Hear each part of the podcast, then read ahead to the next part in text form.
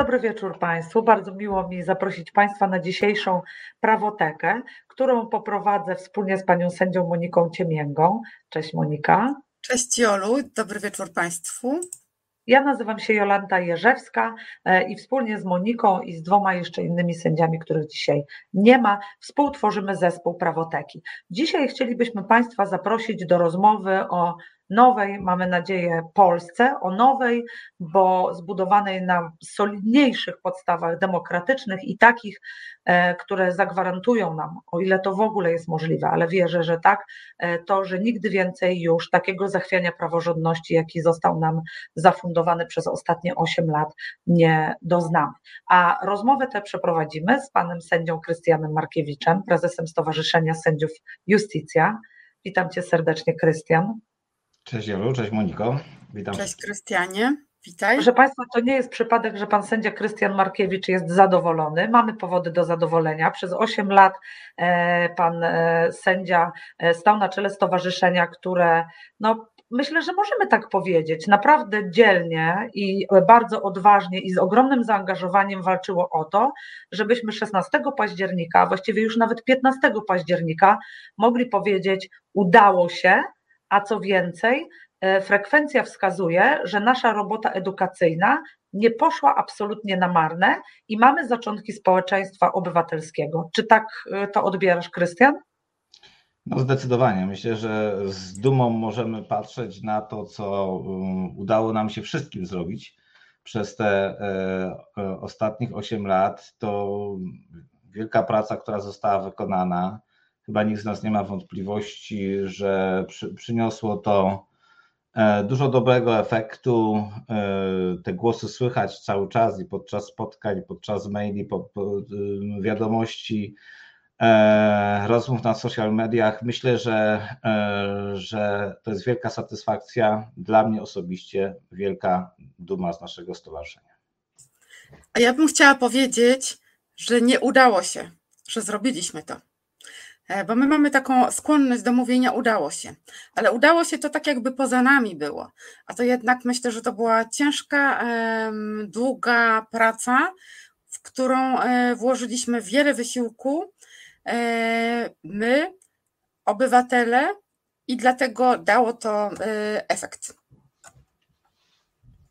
Krystian, udało się, zrobiliśmy to. Monika ma rację, myślę. Monice wypada tak powiedzieć. E, ma rację, ma, ma, całkowitą rację. Tak, no, no to jest. Słuchajcie, no to nie było przy, przypadku. To przecież e, była to ciężka, zaplanowana e, praca. Cztery lata temu trochę nie do końca wyszło. Może było potrzebnych tych 8 lat. Tak sobie nieraz myślę. 8 e, lat było potrzebne do tego, żeby to, o czym ty mówiłaś, o, o, o tym społeczeństwie obywatelskim, żeby ono rzeczywiście było jeszcze mocniejsze, jeszcze bardziej pewne siebie. E, przecież jeszcze, z jeszcze większą rolą, no bo ja tak myślę, nie chcąc za bardzo tutaj wchodzić e, w te polityczne wybory, ale mówię przede wszystkim o frekwencji. Myślę, że to każdego z nas mhm. powinno interesować, że gdyby nie aktywność taka oddolna, obywatelska, dziewczyn, kobiet, młodych ludzi, e, to moglibyśmy pomarzyć o tych 75%. Jestem święcie przekonany, że e, e, sama, same inicjatywy partii politycznych na pewno by do takiego wyniku nie doprowadziły. Ja mam też taką nadzieję, że to zmieni Polskę. Mhm. Będziemy, nie będziemy państwem, który żyje tylko od wyborów do wyborów a poza tym nas ten e, świat polityki nie interesuje. Polityka to jest coś, co decyduje o, naszym, e, co, e, o naszej codzienności. I wydaje mi się, że politycy też już powinni mieć tego świadomość, że to społeczeństwo obywatelskie jest mocne. I z tym społeczeństwem obywatelskim trzeba rozmawiać przez 365 dni w roku. Każdego dnia, także dzisiaj. Bo ja uważam, że nie ma na co czekać. Nie ma co mhm. czekać na 13 listopada, kiedy ma być pierwsze posiedzenie Sejmu na wyłonienie rządu. E, są osoby, które pracują oczywiście nad tym, e, żeby, żeby wiem, skonstruować rząd i tak dalej, i tak dalej, ale to jest tylko parę osób, może paręnaście. E, cała reszta ma naprawdę świetną legitymację. Mówię o posłach i senatorach, posłankach i senatorkach, którzy otrzymali już przecież zaświadczenia, że są parlamentarzystami I w związku z tym myślę, że nie ma co tracić czasu.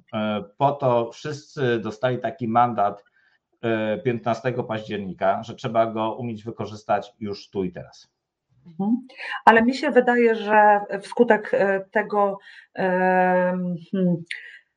No, ja bym jednak powiedziała, że rzeczywiście, oczywiście, gdybym miała wybierać, nigdy nie zdecydowałabym się poprosić o to, żeby na naszą ojczyznę spało, spadło 8 lat takiego e, wstecznictwa w stosunku do tego, jakim państwem byliśmy te 8 lat temu. Ale z drugiej strony zgadzam się z Tobą, e, Krystian, całkowicie, że to bardzo zmieniło, e, mam nadzieję, obywateli, naszą demokrację i sędziów Dlatego, że e, w przestrzeni publicznej wszędzie usłyszymy. My na przykład troje, jak tutaj jesteśmy, to jesteśmy zgodnie z e, mediami e, prawicowymi, z członkami skrajnie upolitycznionego Stowarzyszenia Sędziów Polskich Justicja, a wydaje mi się, że na przykład w moim przypadku, ale naprawdę zaryzykuję tą tezę, że dotyczy to również obojga Was, zupełnie inaczej myślicie, myśli, myślicie dziś o sędziach w kontekście polityki, niż myśleliście 8 czy 10 lat temu. Nie jest tak, Krystian? Oczywiście, że tak jest. To jest też i długa droga, którą przeszliśmy, ale wydaje mi się, że jeszcze dłuższa droga przed nami. Znaczy, my musimy rzeczywiście uporządkować pewne standardy w funkcjonowaniu państwa.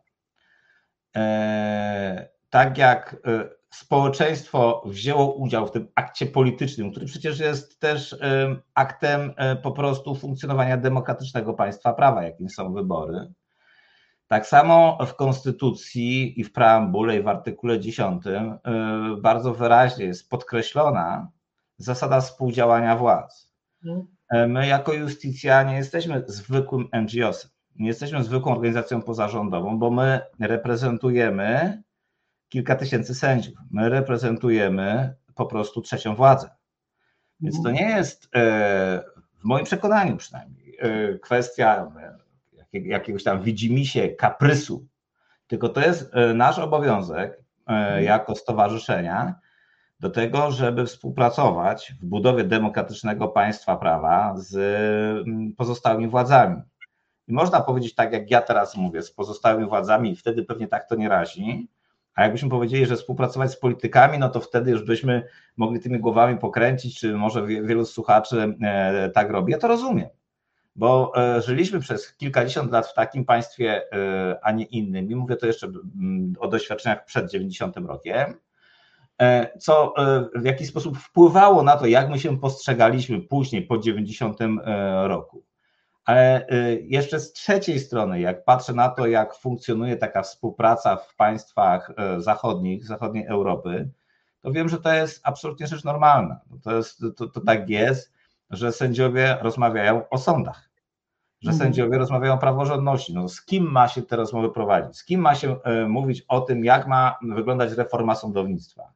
Jak zrobić, e, żeby te instytucje, które są gwarancją demokratycznego państwa prawa, były rzeczywiście niezachwiane, na pewno, żeby, żeby były mocniejsze.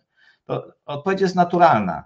I my musimy też to e, uświadamiać, że e, niczym nadzwyczajnym nie jest to, że trzecia władza współpracuje z pierwszą i z drugą władzą. W moim przekonaniu to jest nasz obowiązek chciałbym, żeby tak było, żeby to przybrało jak najbardziej ucywilizowane formy.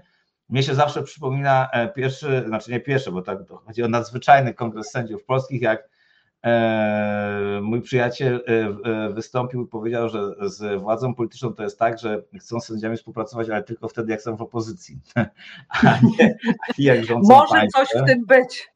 Tak, no e, oby tak nie było, oby to się zmieniło, oby, e, oby było tak, że wszyscy zmądrzeliśmy przez te, e, przez te parę lat i, i miejmy nadzieję, że to, co wtedy Tomek powiedział podczas tego kongresu, to było tylko i wyłącznie potwierdzenie stanu rzeczy do tego momentu.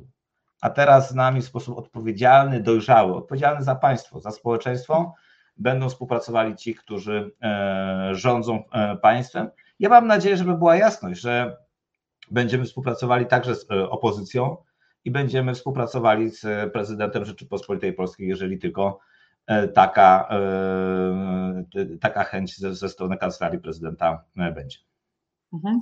I właśnie wydaje mi się, że musimy to podkreślić, że e, musimy przestać patrzeć na sędziów jako apolitycznych w rozumieniu milczących. Apolityczny sędzia to nie jest ten, który milczy, tylko ten, który nie popiera żadnej partii, ale od każdej partii, od każdej partii rządzącej i opozycyjnej żąda szacunku dla demokracji, dla praworządności i stoi na straży tych właśnie instytucji, prawda? Tak mi się wydaje, że musimy na nowo definiować naszą relację ze światem publicznym, nazwę to tak.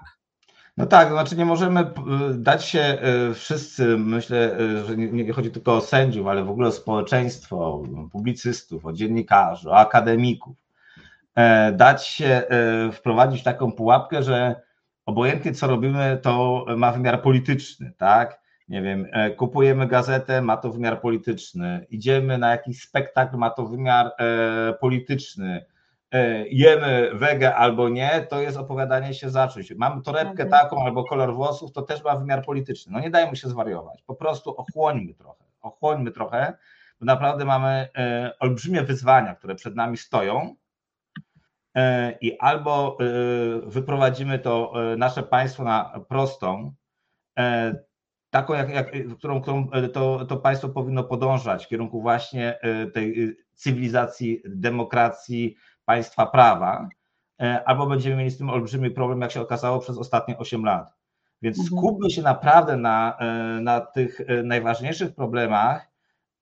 Starajmy się, gdzie się da, zakopać te wszystkie podziały, które niepotrzebnie się zrodziły, przynajmniej topory wojenne, i pokażmy, że jesteśmy też tym czynnikiem w państwie, który zapewnia ciągłość państwa, ciągłość władzy, i jest to ta władza, to jest ta władza, która przez 8 lat była jedyną władzą, która otrzymywała te wartości i standardy. W związku z tym jestem przekonany, że mamy legitymację do tego, żeby brać udział w dyskusji na temat odbudowy e, państwa prawa. E, mamy taką legitymację jak mało kto. Mhm. E, też tak uważam i myślę, że Państwo, nas słuchający, ale i wszyscy inni obywatele muszą mieć świadomość tego, że oni są kotwicą naszego powodzenia w tym zakresie, bo jak powiedziałeś, e, politycy rozmawiają z sędziami najchętniej wtedy, kiedy są w opozycji.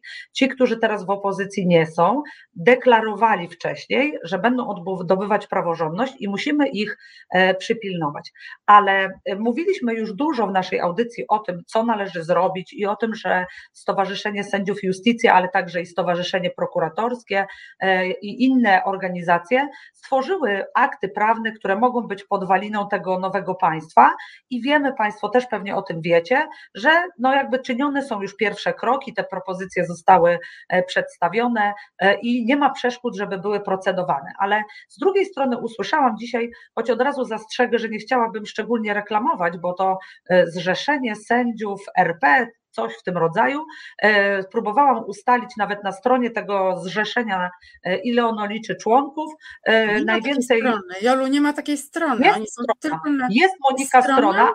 Ja próbowałam tak, znaleźć i nie, nie byłam w stanie.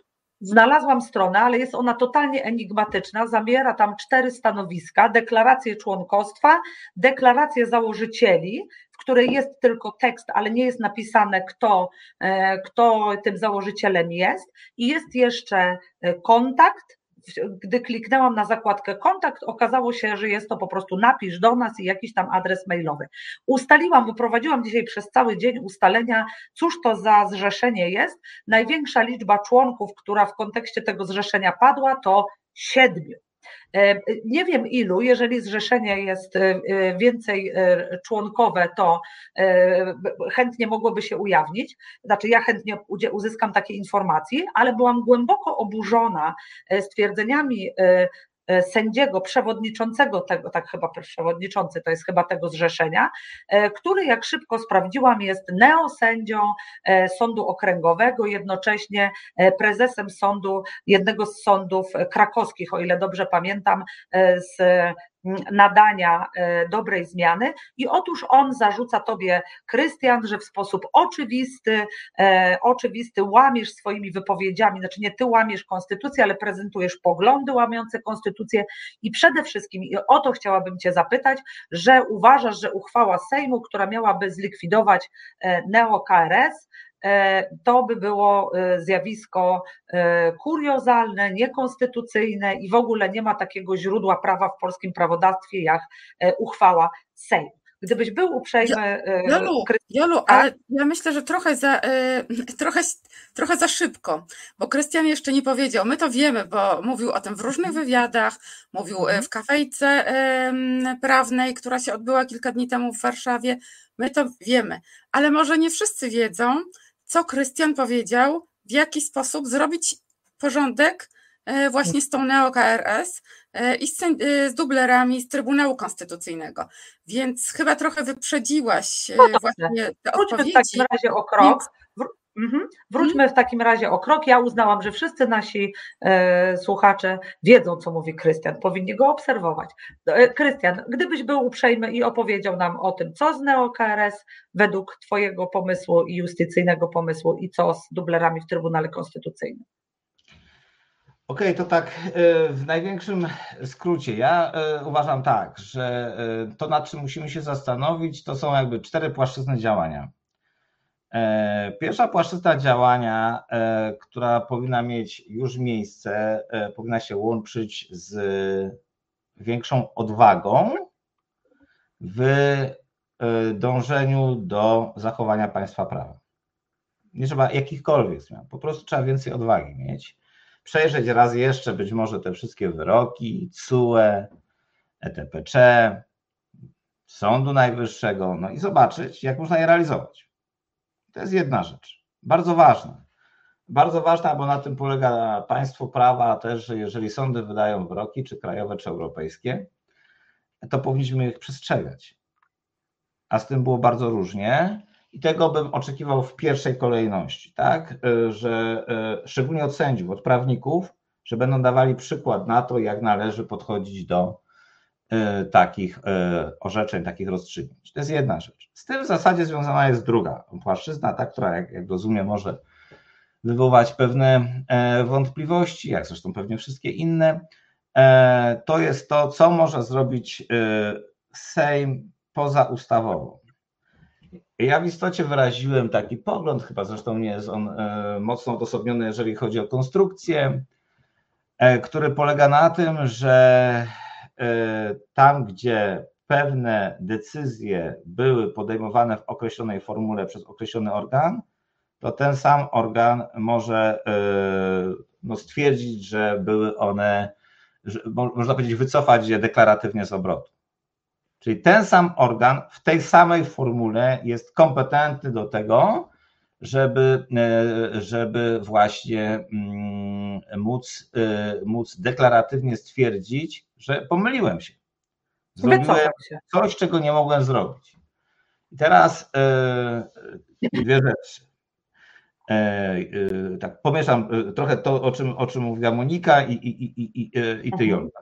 Po pierwsze, to ja już naprawdę się przyzwyczaiłem do różnych zarzutów. Miałem kiedyś kilkadziesiąt w związku z ponoć próbą obalenia konstytucyjnego porządku prawnego, więc proszę bardzo, na tym też polega demokracja, niech się krytykują, nie ma, nie ma problemu. Jak coś będzie e, takiego, co będzie godne uwagi, to niewątpliwie będziemy to analizować. E, jaka jest różnica, albo dlaczego e, Sejm powinien tak zrobić?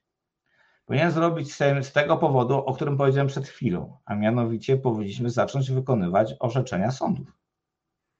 Nie jest na tej zasadzie, że Sejm Rzeczypospolitej Polskiej ma teraz inny kształt i w związku z tym ma pewne kompetencje, czy powinien coś takiego zrobić. Ja tylko przypomnę, że tak jak e, sędziów do TK e, wybierał Sejm na podstawie uchwały, tak samo sędziów do KRS-u wybierał Sejm na podstawie uchwały.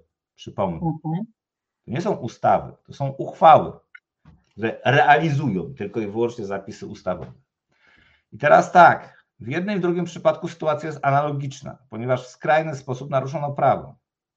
I teraz nie jest to tak, że tak powiedziała Justicja, chociaż powiedziała i mówiła od samego początku, ale to zostało później potwierdzone orzeczeniami. E, w przypadku sędziów TK, między innymi sam Trybunał Konstytucyjny jeszcze w poprzednim składzie stwierdził, że wybór dublerów jest e, niezgodny z konstytucją, a następnie mieliśmy potwierdzenie w orzeczeniu strasburskim, gdzie uznano, że taki sąd to nie jest sąd, o którym mowa w artykule 6. Podobna sytuacja e, dotyczy osób w Krajowej Radzie Sądownictwa. Mówię oczywiście o, o tym e, sędziowskim składzie. Przecież mamy również orzeczenia, między innymi Naczelnego Sądu Administracyjnego, z ich kilka, kilkanaście, które zostały wydane w, składzie, w związku z postawą, wspaniałą postawą naszych sędziów kamikadze, którzy lat temu, kilka, dobrych kilka lat temu, jak było najciemniej, najtrudniej, mieli odwagę, żeby wystartować w konkursach, narażając się na krytykę również naszego środowiska. Wystartowali, dzięki nim Naczelny Sąd Administracyjny wstrzymał postępowanie konkursowe, przypomnę, zadał pytanie do, naczelne, do CUE, CUE odpowiedział na podstawie tych orzeczeń Trybunału Sprawiedliwości w Luksemburgu, NSA stwierdził, Krajowa Rada Sądownictwa, która jest obecnie, to chodziło oczywiście o tą, tą pierwszą neokares, analogicznie jest to obecną neokares, nie jest organem, o którym mowa w Konstytucji Rzeczypospolitej Polskiej. W związku z tym, w moim przekonaniu, Sejm, będąc zobowiązanym do wykonywania wyroków, powinien móc stwierdzić to, że jego akt przez Sejm wydany w postaci uchwał nie wywołał tych skutków jako coś, co jest sprzeczne z konstytucją, co zostało stwierdzone przez najwyższe organy sądowe. I to jest y, ta formuła, o której mówię. Ja przecież nie, nie mówię czegoś takiego, że ta uchwała ma zmienić zasady wyboru na przykład do KRS-u. Ja tego nie mówię.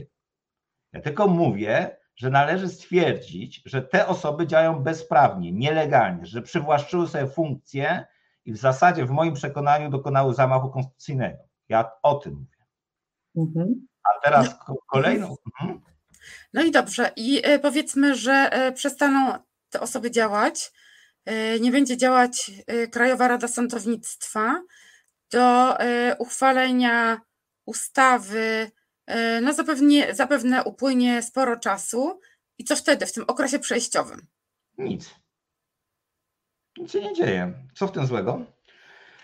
Jeżeli to będzie krótki okres czasu, który pozwoli nam na, e, na dobre e, prace nad nową ustawą o Krajowej Radzie Sądownictwa, to uważam, że bardzo dobrze. Co uzyskujemy? Bardzo dużo. Wstrzymujemy działanie niekonstytucyjnego organu. Czy to jest mało? W moim przekonaniu to jest bardzo dużo. Dużo. To jest, nie, to jest bardzo dużo. To nie jest dużo, bo przypomnijmy, że ten organ doprowadził do tego, że w Polsce mamy jakieś około 1500 osób, nie mówię o asesorach, tylko i wyłącznie powiedzmy sobie awansowiczach, e, takich mamy neosędziów. Mieliśmy ostatnio kolejne zaprzysiężenie e, przez pana prezydenta. E, w kolejce czeka, czeka pewnie kolejnych kilkadziesiąt albo kilkaset. Więc to jest kolosalna sprawa. To nie jest coś tam, to nie jest kroczek do przodu. Tylko uważam, że zatrzymanie tego organu jest coś, co powinno być absolutnym priorytetem. Mhm. Ja przypomnę, ale dobra, Krystian, ale poczekaj. Się obawiają, że nie będzie on działał na przykład przez pół roku. To przypomnę nam wszystkim, gdybyśmy zapomnieli, a nie powinniśmy, że jak e, minister Ziobro e, został e, ministrem, to nie pamiętam, chyba kilkanaście miesięcy nie było tak. żadnego ogłoszenia o konkursie. Tak, tak pamiętamy. pamiętamy. Było 150, 150 nie zapalił się. Mhm. E, e, tutaj ktoś o inicjałach KCN e, odwołuje się jeszcze do tych uchwał, ale zanim ja przytoczę ten komentarz, to chciałabym, żeby jednoznacznie wybrzmiało, że uchwała nie ma kwestionować KRS-u w rozumieniu ciała no, ciała konstytucyjnego, tylko powołania tych konkretnych członków KRS-u, którego akurat mamy teraz, dlatego że cała instytucja jest e, niekonstytucyjne, a zatem ich powołania również. I od tego zaczynamy. I to jest ten błąd logiczny, moim zdaniem, który należy wskazać, że to nie jest tak, że uchwałą Sądu Najwyższego e, powiemy, a od 1 grudnia Sejmu, 2000, Sejmu, a od 1 grudnia 2023 roku likwidujemy KRS. To zupełnie przecież nie o to chodzi, prawda? Tylko o to, żeby no właśnie. No i teraz ktoś o Niku KCN napisał, te uchwały o powołaniu miały konkretne podstawy w ustawach. Co z artykułem 7 Konstytucji? Sama podstawa do powołania wystarczy na odwołanie. Trochę wydaje mi się, że ty już, Krystian, na to pytanie odpowiedziałeś. Ono jest zresztą trochę, wydaje mi się, też zawiłe, ale yy, o tym, że te ustawowe podstawy były niezgodne z konstytucją, proszę Państwa, my już wiemy, bo o tym wypowiedział się, tak jak pan sędzia Markiewicz powiedział, i TSUE, i ETPC, i one przesądziły jakby, że te ustawy nie są konstytucyjne i nie podlegają wobec tego ochronie, bo po prostu nie mają racji bytu w porządku prawnym. Prawda, Krystian? No dokładnie, artykuł 7 stanowi o tym, bo akurat konstytucję mam zawsze przed sobą, zresztą wszystkie konstytucje, organy władzy publicznej działają na podstawie i w granicach prawa. Na mhm. podstawie i w granicach prawa. Nie może być tak, że e, zostało stwierdzone, że Sejm naruszył, nie miał podstaw do tego. Bo ustawa, ok, jest podstawą wtedy, kiedy zgodnie z hierarchią źródeł prawa jest zgodna z Konstytucją Rzeczypospolitej Polskiej.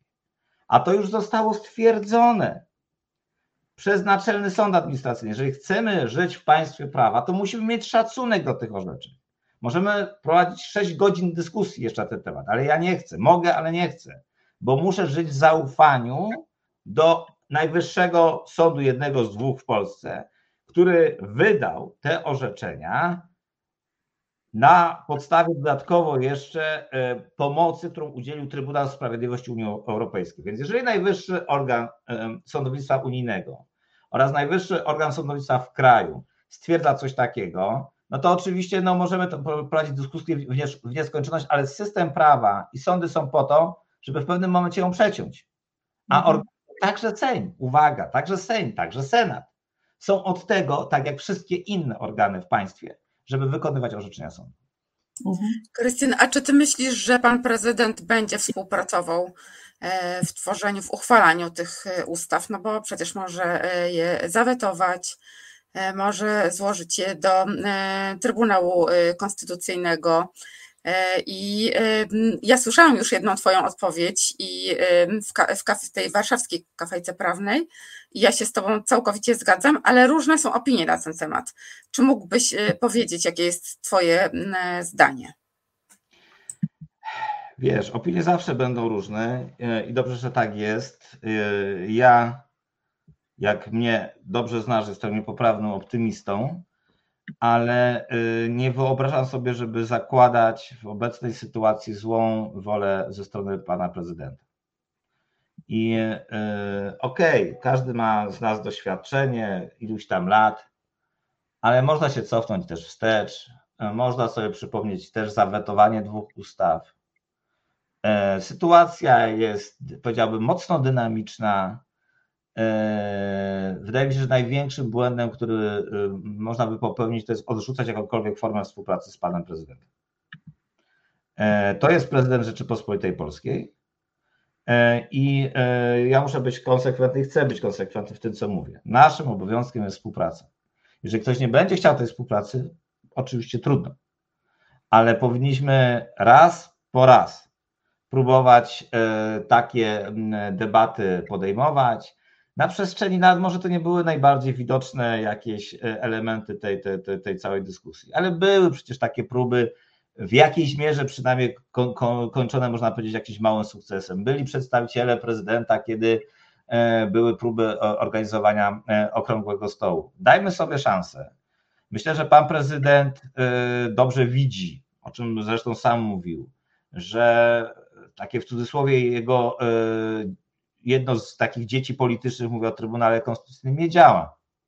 No, pan prezydent sam wysłał, wysyła tam pewne ustawy i co? I nic. Nie jest w stanie y, tutaj państwo zadziałać, bo Trybunał Konstytucyjny nie działa. To nie jest y, jak, jakiś tam bez znaczenia trzeciorzędny organ. tylko to jest też organ, o którym mowa w Konstytucji.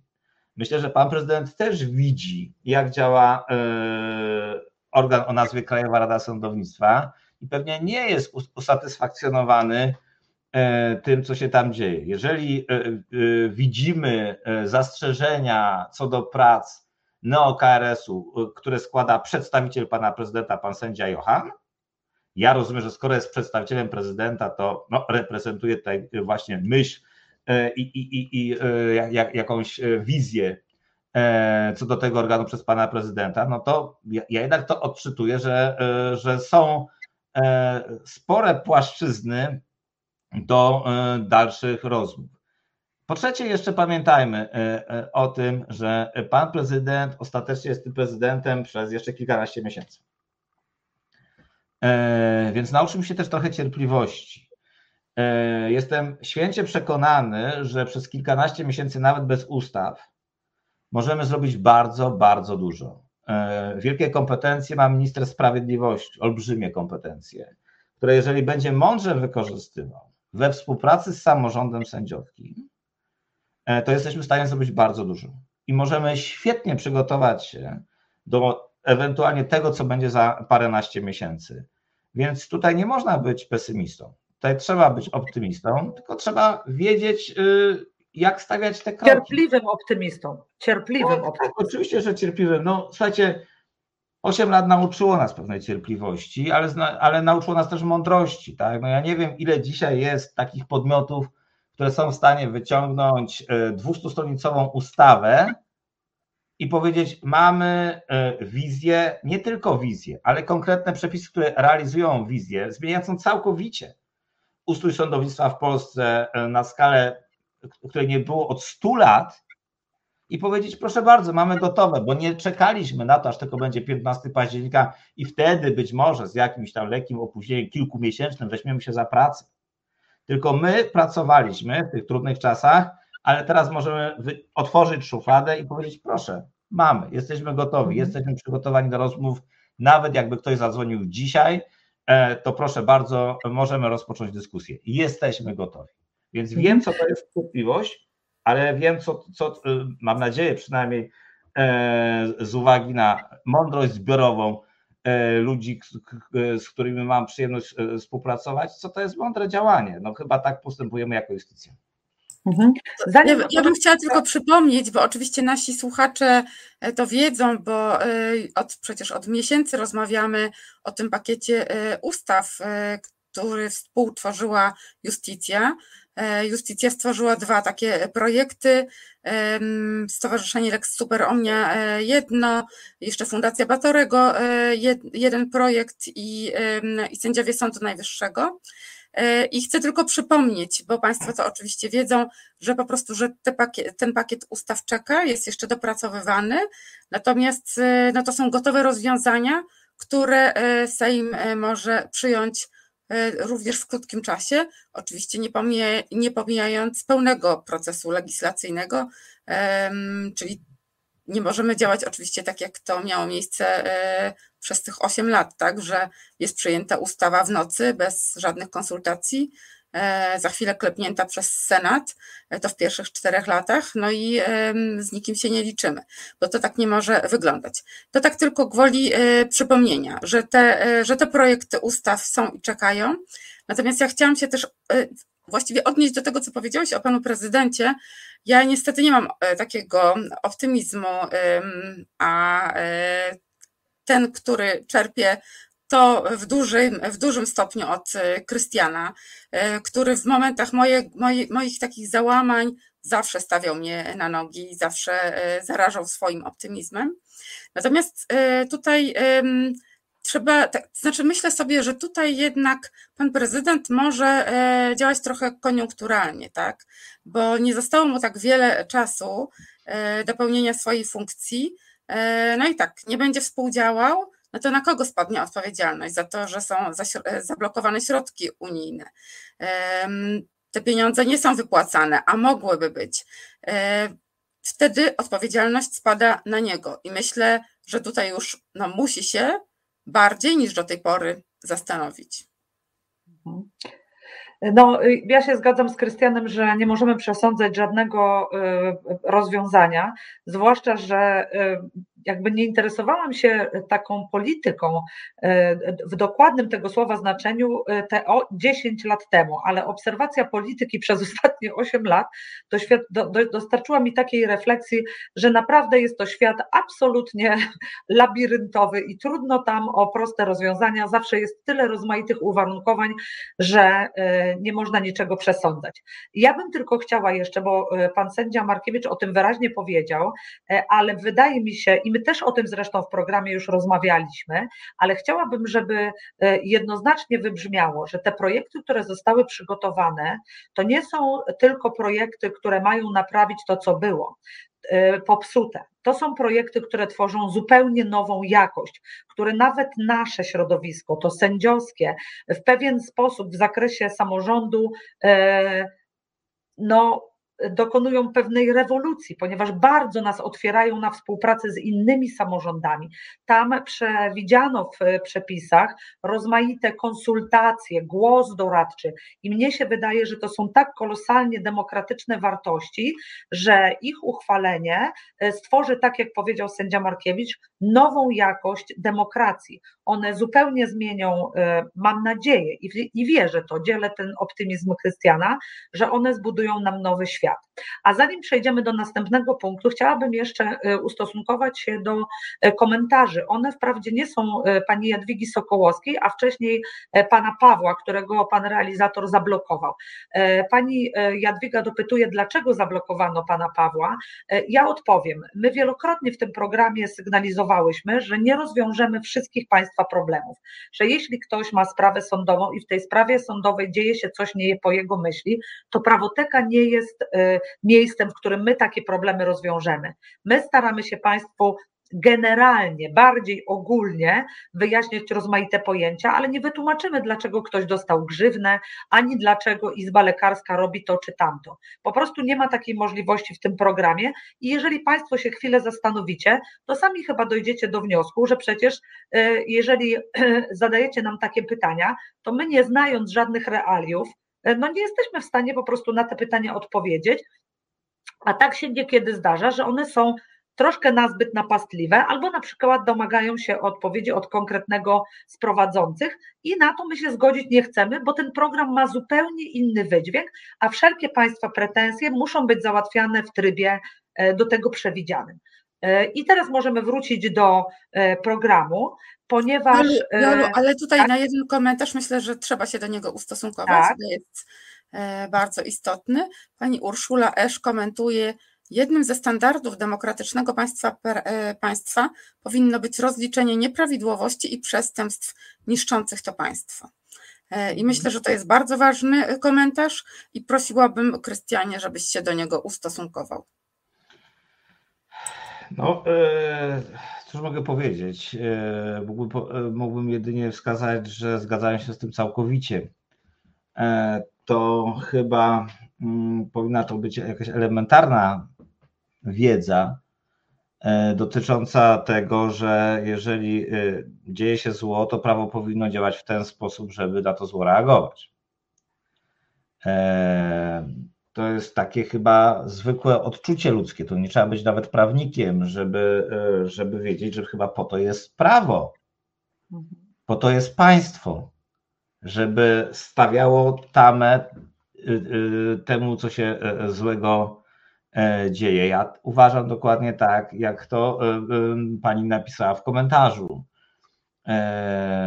Bolą mnie nieraz takie osądy, które wypowiadane są często no, bez jakiejkolwiek analizy tych projektów, które są przez nas przygotowane, czy tych wypowiedzi, które przecież no, wygłaszamy dość sporo o jakiejś, nie wiem, chęci dzikiej zemsty, tępej zemsty, no różne, różne przymiotniki są tutaj używane jakimś odwecie. Ja bym prosił o wskazanie. Ja bym bardzo prosił o wskazanie e, jakiejś jednej wypowiedzi, czy e, jakiegoś przepisu, gdzie mowa jest o odwecie. Bo ja przypomnę, że e, cała konstrukcja, którą my stosujemy odnośnie tych powołań sędziowskich opiera się na po prostu konstytucji. Na dwóch elementach, które znowu są zapisane w artykule 179, że sędziów powołuje prezydent i owszem, ale na wniosek Krajowej Rady Sądownictwa. I że bez tego wniosku prezydent nie może nikogo powołać. A jeżeli mhm. tak, to mamy do czynienia z wadliwymi sądami. To zostało już stwierdzone wielokrotnie. A jeżeli tak, to normalną rzeczą jest to, co zostało powiedziane właśnie w tym komentarzu, że to jest po prostu przywrócenie normalnego stanu rzeczy. Normalnego stanu rzeczy, że nielegalnie objęty urząd musi zostać zwrócony.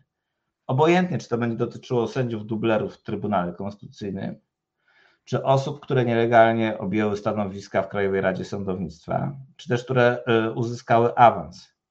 Ja nie przypominam sobie, żeby w naszym projekcie była mowa o tym, że każdy, nie wiem, dostanie dwa lata więzienia za to. Nie mhm. przypominam sobie, żeby w naszym projekcie był przepis, który mówi, że taka osoba nie może kandydować przez 20 lat kolejnych. Że taka osoba będzie, nie wiem, nie, nie będzie pobierała wynagrodzenia w pełnej wysokości. Ja akurat nie znam ani jednego takiego przepisu.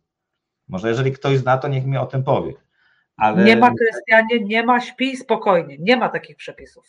Okej. Okay.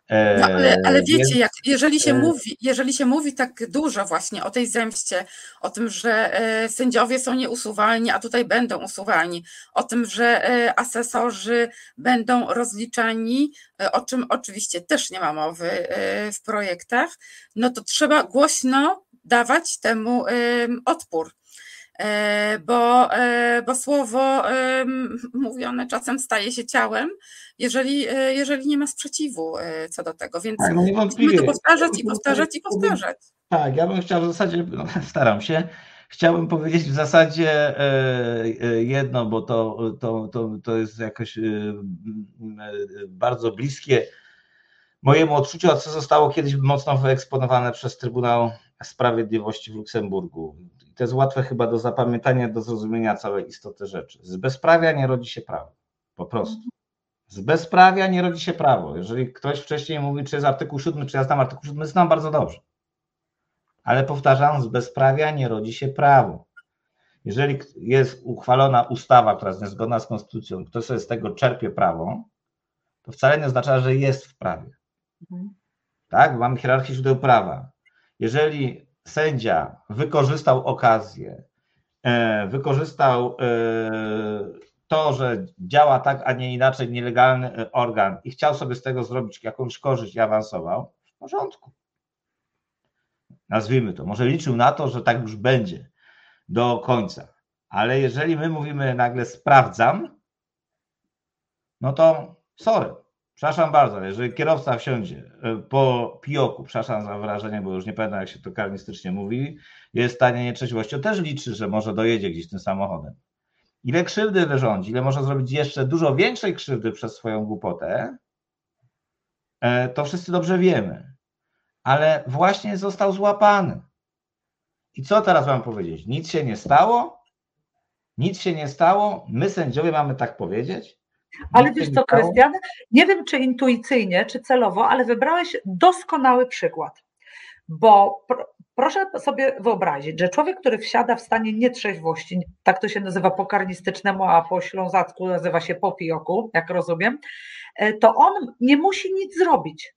On nie musi e, potrącić dziecka, on nie musi spowodować kolizji. Samo to, że wsiada do samochodu w stanie nietrzeźwości, powoduje, że narusza prawo. I tu jest dokładnie ta sama sytuacja. Sędzia, który w sposób nielegalny, niekonstytucyjny uzyskał swoją nominację, nie musi nic zrobić, żeby postępować niezgodnie z rotą ślubowania, niepraworządnie. I jeśli to jest w jego rękach, ten urząd znalazł się nieuczciwie, nielegalnie, to musi go po prostu oddać. I tyle. No, I chyba to jest świetna analogia. E, wiecie, e, dla mnie były też bardzo ważne e, badania opinii społecznej, te, które przeprowadziliśmy, bo możemy tutaj mówić o różnych argumentach prawnych, konstytucyjnych, ustrojowych, setkach orzeczeń, które są wydane. Okej, okay. ale do mnie chyba nic bardziej nie przemawia niż takie poczucie sprawiedliwości i tego, czego się wymaga od sędziego w społeczeństwie. Przypomnę, że te badania, już nie będę co do jednego procenta cytował, ale ci, którzy uważali, że KRS została powołana nielegalnie, tam chyba było, nie wiem, 4 czy 5% z, z tych osób, które uważały, że ten sędzia powinien zostać na tym stanowisku, a cała reszta to tylko delikatnie było, że mają wrócić na poprzednie, a nie, nie brakowało mocnych głosów, że to sobie powinno opuścić e, zawód sędziego. To pokazuje, jak, czego ludzie oczekują od sędziego.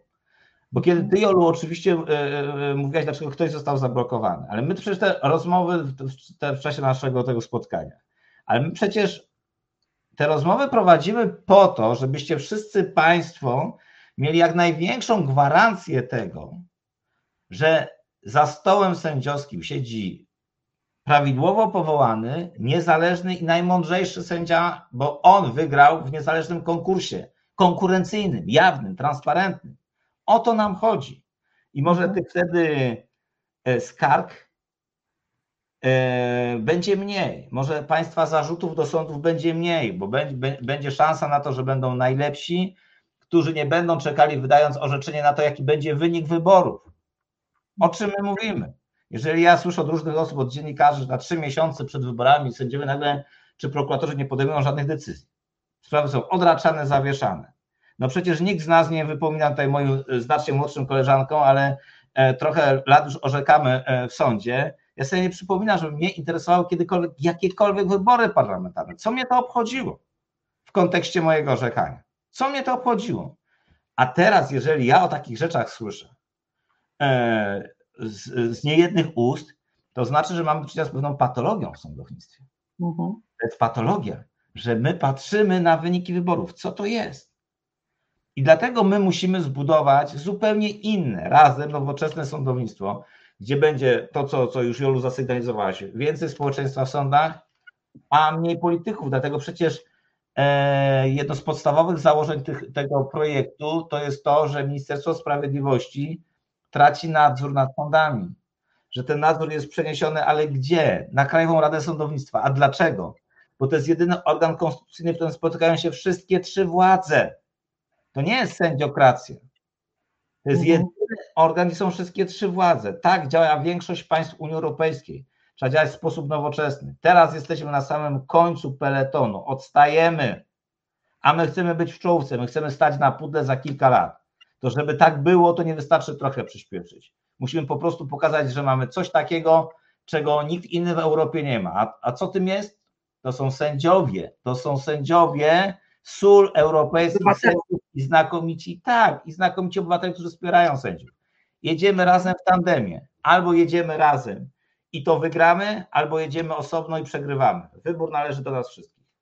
To prawda. Pani Ewa Major zadaje jeszcze trudne pytanie, myślę. Panie sędzio, jeśli Państwo czytacie nasze komentarze, proszę nam powiedzieć, jakie są możliwości odwołania prezydenta z jego funkcji. Oj, żeby odwołać no prezydenta z jego funkcji, e, to, e, to po prostu szansą jedną jest Trybunał Stanu, ale ja się na, na tym aż za bardzo tak nie znam. E, Trybunał Stanu, jak wiadomo, w Polsce zbyt dobrze nie funkcjonuje. Zresztą my jako Justicja kiedyś zwracaliśmy uwagę na takie podstawowe, ustrojowe problemy z funkcjonowaniem i Trybunału Konstytucyjnego i Trybunału Stanu. E, myślę, że e, dużo ważniejsze zadania przed nami, które łączą się z naprawianiem wymiaru sprawiedliwości, a politykę zostawmy polityką. Mhm. Pan Grzegorz Dalewski znowu trochę mniej, jest pesym, e, trochę mniej jest optymistyczny jak my. Pisze, czyli jak sprawy przeciwko państwu, te wszystkie nadużycia władzy PiSu będą się toczyć na przykład 15 lat, jak w latach 90. No, my tego nie wiemy. To wynika? Ja tak nie uważam. No właśnie, E, no ja tak, ja tak chyba nie powiedziałem, e, wręcz przeciwnie, jeżeli patrzymy, e, popatrzymy na to, że jednak ja jestem zwolennikiem tego, żeby na pierwszym posiedzeniu Sejmu zamknąć działalność KRS-u, to jednak chyba pokazuje, że oczekuję szybkich działań. Jeżeli ja mhm. mówię o tym, że przed uchwaleniem ustaw minister sprawiedliwości ma olbrzymie kompetencje w zakresie zmiany prezesów sądów, którzy mają olbrzymi wpływ na zarządzanie sądami, w zakresie pracy kolegium, również olbrzymi wpływ jeżeli e, mówię o tym, że rzeczników dyscyplinarnych można e, zwolnić w przeciągu pięciu minut, to znaczy, że ja nie mówię o tym, żeby zrobić to za 15 lat. Jak niektórzy mówią moi koledzy, poczekaj, Krystian, spokojnie, poczekajmy na koniec kadencji. Ja tak nie uważam. Bo my nie mamy ani sekundy do stracenia, jeżeli chodzi o przywracanie państwa prawa, bo możemy nie zdążyć przez przypadek, tak? Trzeba było się przygotować. Ja nie mam komfortu takiego, żeby e, siedzieć sobie wygodnie w jakimś e, salonie przy jednej e, alei czy drugiej w Warszawie i mówić poczekajmy, bo mam zbyt duże doświadczenie tego, co się stało, zbyt wiele widziałem krzywd ludzkich, nie przez gazety i przez telewizor, tylko wśród swoich znajomych, najbliższych, żeby, żeby mówić poczekajmy. Nie mam najmniejszych wątpliwości, że przy pełnej gwarancji dla tych osób, to jest bardzo ważne, przy pełnej gwarancji dla tych osób prawa do sądu, to powinno mocno wybrzmieć w społeczeństwie, że takie rzeczy nie są tolerowane.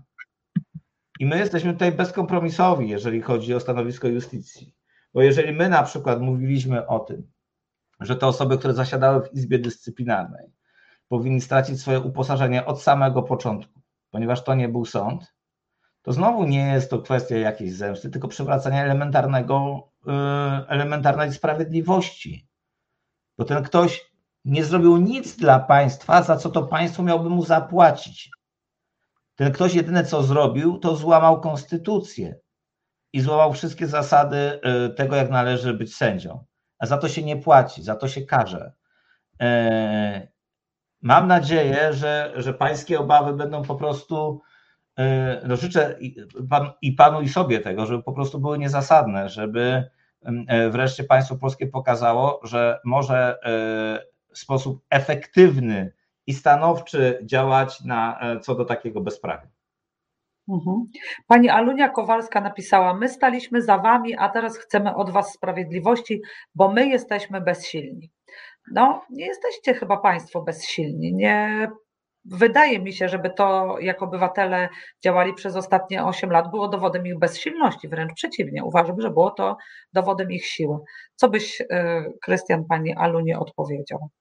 E, tak jak powiedziałem, idziemy razem i wygrywamy, idziemy osobno, to przegrywamy i państwo i my.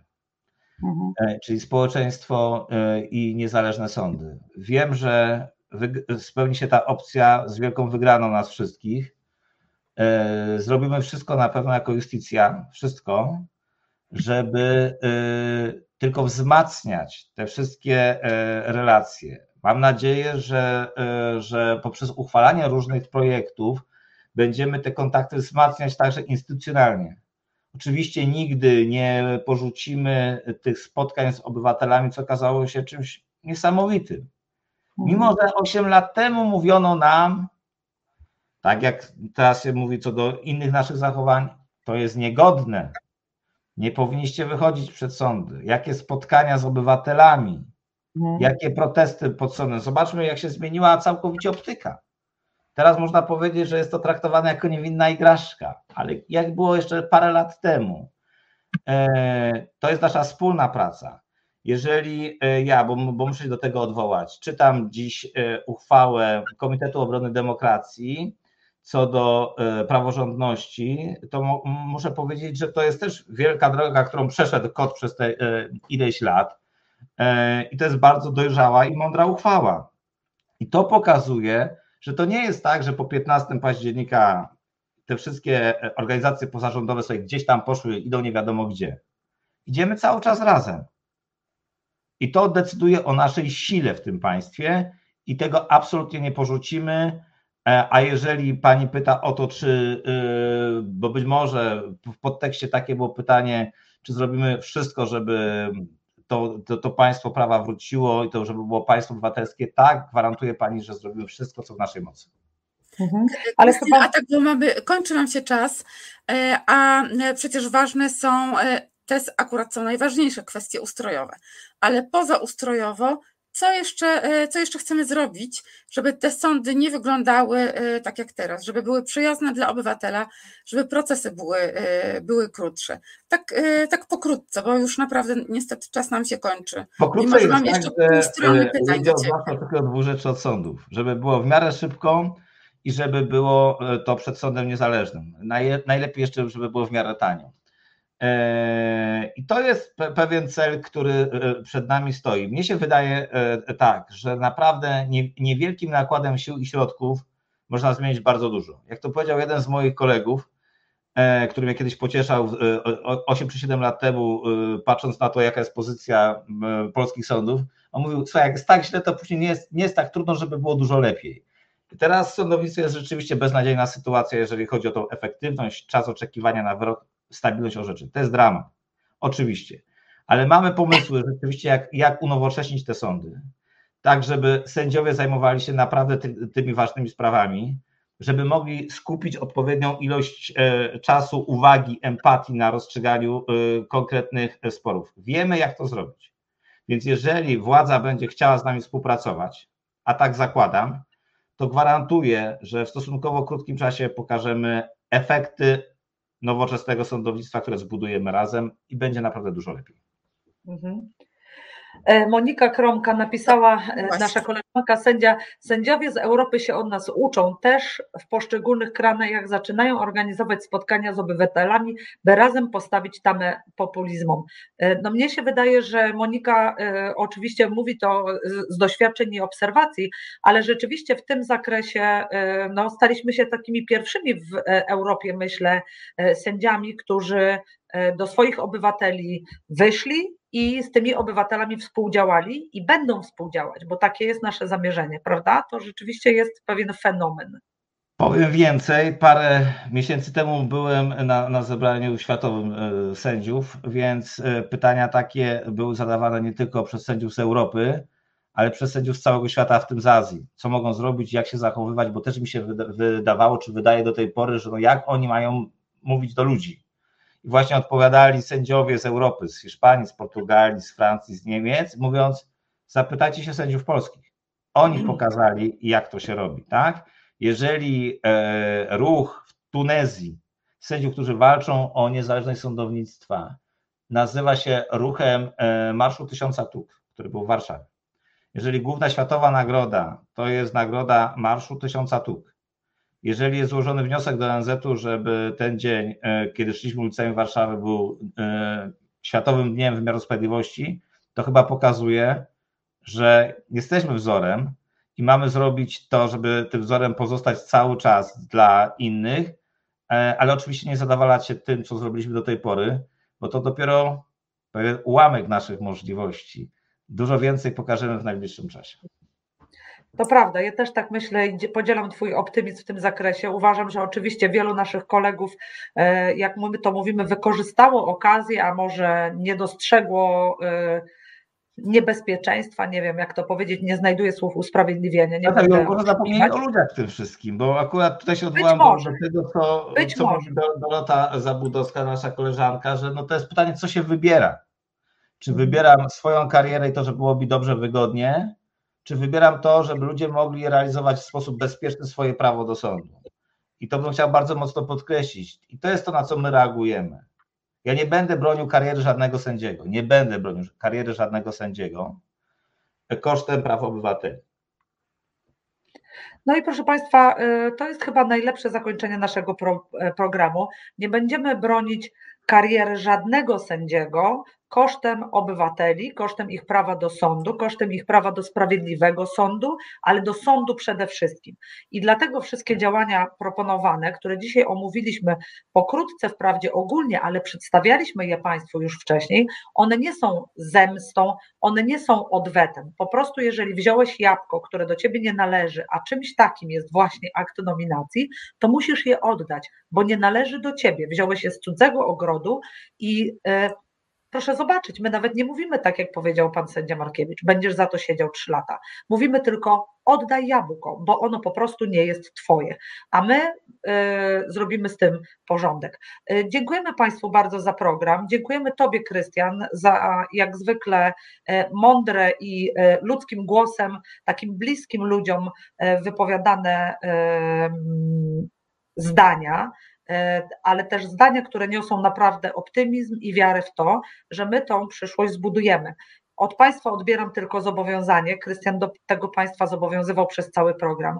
E, ten tandem tworzą sędziowie i obywatele, i tylko razem my na tym rowerze gdzieś pojedziemy. W innym wypadku nasz rower bardzo szybko zjedzie do rowu, prawda? E, jeszcze raz dziękuję bardzo, Krystian, za rozmowę. To była wielka przyjemność. Ja Życzę Ci powodzenia, dziękuję. nam powodzenia. Tobie też, Monika, dziękujemy bardzo. E, ja też Wam dziękuję. Dziękuję Państwu, którzy tutaj cały czas z nami byli.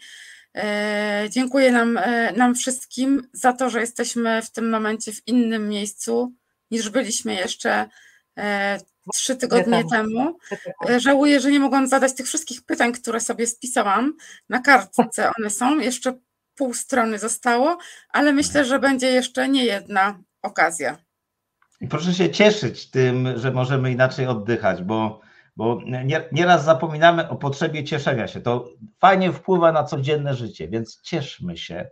Cieszmy się, na razie nie martwmy się na zapas. Bardzo o to bo, proszę. Bo wiesz, to tyle lat w napięciu żyliśmy, że teraz tak trudno spuścić z siebie to powietrze. Nauczmy się tego na nowo. Jest dobrze, proszę Państwa, to nam się uda, ale musimy trzymać się razem e, i sprawdzać polityków. Jeszcze raz, Krystian, dziękuję Ci bardzo. Nie rozstaniemy ja się również. dzisiaj. Koniec naszej audycji. Zapraszamy Państwa za tydzień. Mam nadzieję, że rozmowa będzie też ciekawa. Na razie, do widzenia. Do widzenia. Do widzenia.